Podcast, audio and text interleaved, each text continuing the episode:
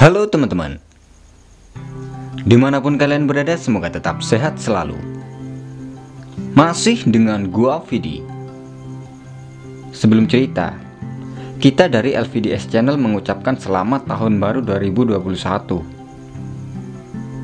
Semoga di tahun baru ini bisa membawa kebahagiaan baru Tujuan baru Pencapaian baru Dan banyak inspirasi baru dalam hidup kita tentunya selalu diberi kesehatan untuk kita semua.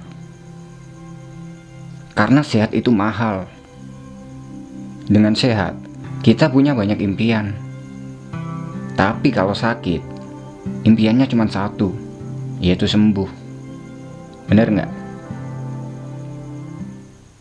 Oke lah, nggak usah panjang lebar ya. Di video kali ini, aku akan menceritakan pengalaman mistis yang dialami oleh teman kita yang mudah dikirimkan melalui email. Panggil saja namanya Hendy. Jadi waktu itu, Hendy bersama enam temannya sedang melakukan pendakian di sebuah gunung yang berada di Bandung. Keenam temannya ini adalah Putri, Dewi, Ayu, Agus, Gugun, dan Sigit. Seperti apa ceritanya? Duduk santai sambil dengerin Vidi cerita. Cerita horor dimulai.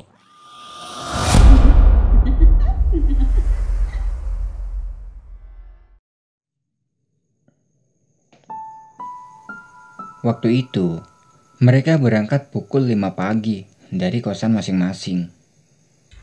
Karena mereka di Bandung ini posisinya sedang bekerja. Singkat cerita, pagi itu mereka sampai di base camp, kurang lebih jam 7 pagi. Sesampai di situ, mereka pun packing ulang, mengecek logistik, dan mengurus pendaftaran. Kurang lebih pukul 8 pagi, mereka pun bersiap-siap akan memulai pendakian. Dan seperti biasa, Sebelum memulai perjalanan, mereka membuat lingkaran untuk berdoa dengan tujuan agar lancar dalam pendakian. Setelah selesai berdoa, mereka pun memulai perjalanannya. Mulai berjalan. Waktu itu Sigit posisi sebagai leader. Dilanjut dengan Agus, Putri, Ayu, Dewi, Gugun, dan Handi sebagai sweeper. Selama perjalanan dari base camp hingga sampai di pos 1, mereka tidak ada kendala sama sekali. Dan sesampai di pos 1 itu, mereka istirahat sebentar untuk makan-makan cemilan, ngerokok, ngopi, dan lain-lain. Setelah puas beristirahat, mereka pun melanjutkan perjalanan lagi menuju ke pos 2. Nah, di sinilah kejanggalan mulai mereka alami. Tepatnya setelah mereka meninggalkan pos 1 itu. Kurang lebih sekitar 10 meter meninggalkan pos 1. Handi tidak sengaja melirik ke pos 1 yang sebelumnya mereka pakai untuk istirahat tadi. Dan betapa kagetnya Handi waktu itu. Dia melihat ada sosok wanita biasa di pos 1. Dia mengenakan baju pendaki. Tapi wajahnya sangat pucat. Wanita itu terlihat seorang diri dan terlihat senyum-senyum mengerikan.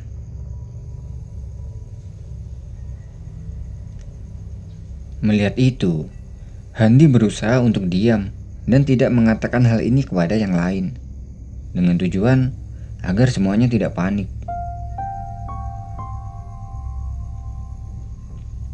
Mereka pun terus berjalan menuju ke pos 2. Di tengah-tengah perjalanan menuju pos 2, tiba-tiba di tengah perjalanan si Dewi ini berteriak histeris sambil menunjuk ke atas pohon. Melihat kejadian itu, mereka semua hanya bengong karena tidak bisa melihat apa yang dilihat Dewi. Tapi Hendy tahu apa yang dilihat Dewi waktu itu. Dan Hendy pun hanya diam. Lalu dia mencoba untuk menenangkan Dewi.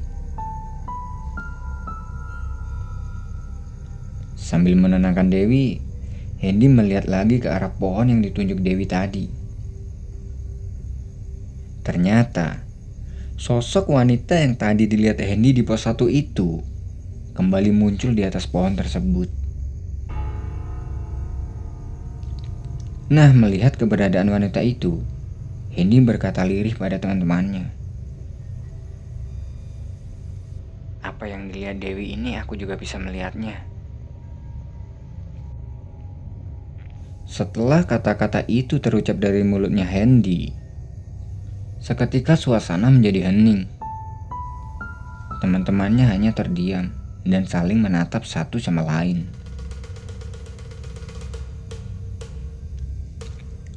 Karena merasa takut, Hendy pun meminta kepada teman-temannya untuk mengabaikannya.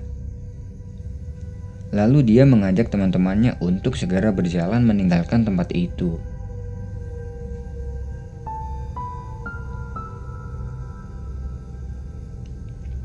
Lanjut berjalan, dan sampailah mereka di pos 2 pada pukul setengah empat sore.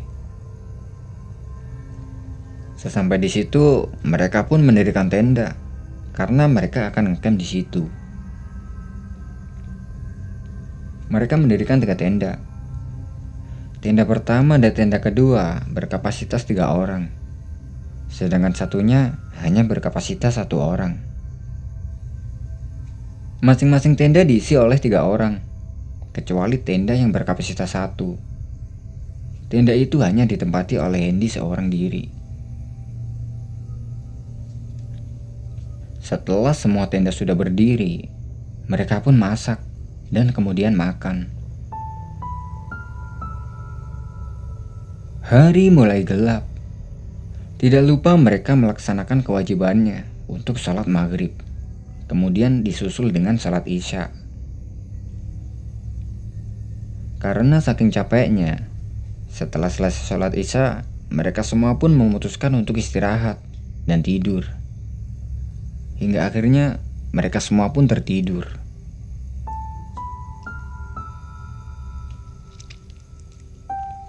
Malam semakin larut. Sekitar pukul 10 malam, Hendy yang menepati tenda seorang diri tiba-tiba terbangun karena merasa kedinginan.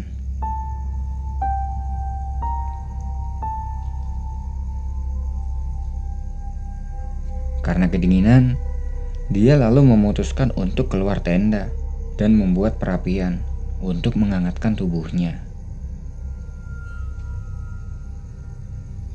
Setelah di luar tenda, Hendy pun mencari kayu.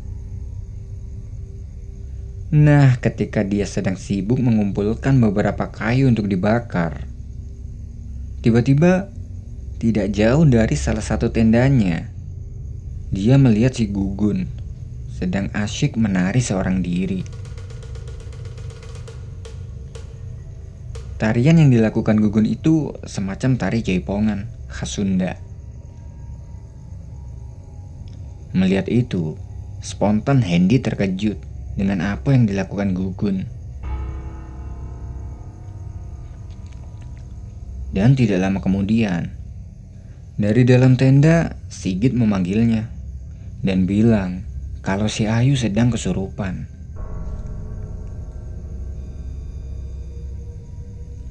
Hendy, dia semakin bingung dengan keadaan itu. Dia tidak tahu apa yang harus dilakukan. Di mulutnya hanya bisa berdoa. Melihat keadaan itu, mereka semua pun bangun dan tidak tahu apa yang harus mereka lakukan. Karena di sisi lain, mereka tidak ada yang berpengalaman tentang hal-hal mistis seperti ini. Jadi, mereka semua hanya bisa berdoa, berharap agar semua ini cepat berlalu. Setelah doa-doa dilantunkan, tidak lama kemudian Ayu sadar dengan sendirinya dan kondisi tubuhnya sangat lemas. Perasaan Hendy sedikit lega karena melihat Ayu yang sudah sadar dengan sendirinya. Tapi belum selesai sampai di sini. Di luar tenda, si Gugun masih terus menari-nari ala jaipongan. Mereka semua hanya bengong dan sesekali menangis melihat tingkah lakunya Gugun yang tidak seperti manusia normal. Setelah berjam-jam menari, akhirnya Gugun pun sadar dengan sendirinya. Dan waktu itu sudah menunjukkan pukul satu dini hari.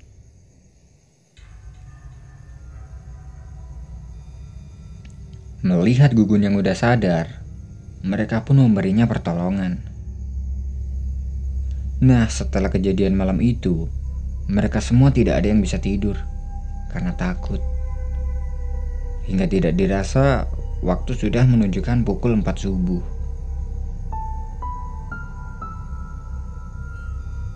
Setelah keadaan sudah tenang, mereka semua pun berunding untuk menuju ke puncak. Setelah berunding, Akhirnya mereka memutuskan untuk tetap menuju ke puncak. Mereka pun segera bersiap-siap dan memutuskan untuk cepat-cepat samit ke puncak karena takut kesiangan. Setelah selesai bersiap-siap, mereka pun mulai berjalan. Berjalan menuju ke puncak. Perjalanan mereka ke puncak ini sangatlah lambat. Ya, wajar saja. Karena waktu itu kondisi mereka sudah tidak begitu fit. Ditambah lagi, waktu itu mereka membawa cewek. Dan bisa dibilang, mereka cewek ini masih pada pemula dalam hal pendakian. Dengan langkah pelan, akhirnya mereka pun sampai di puncak sekitar pukul 7 pagi. Sesampai di puncak, mereka semua sangatlah senang.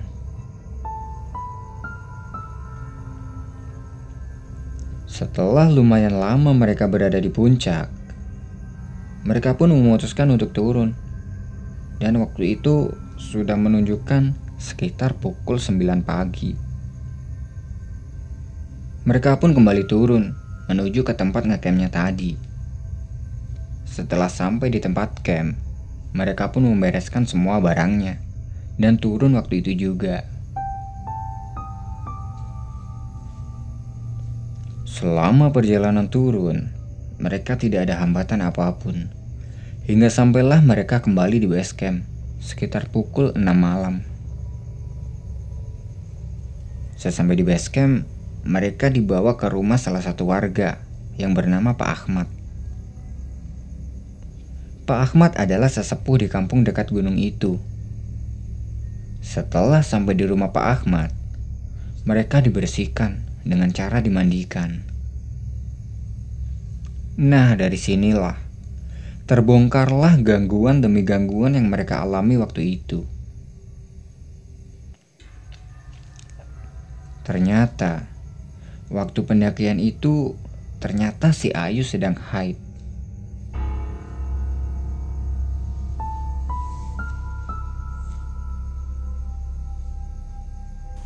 Nah, gimana ceritanya teman-teman?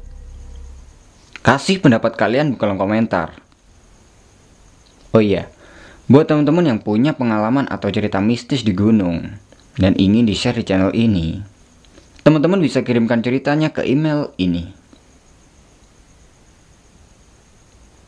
Atau lebih lengkapnya, teman-teman bisa cek di kolom deskripsi. Terima kasih sudah menonton. Gua Vidi dan sampai bertemu di video berikutnya.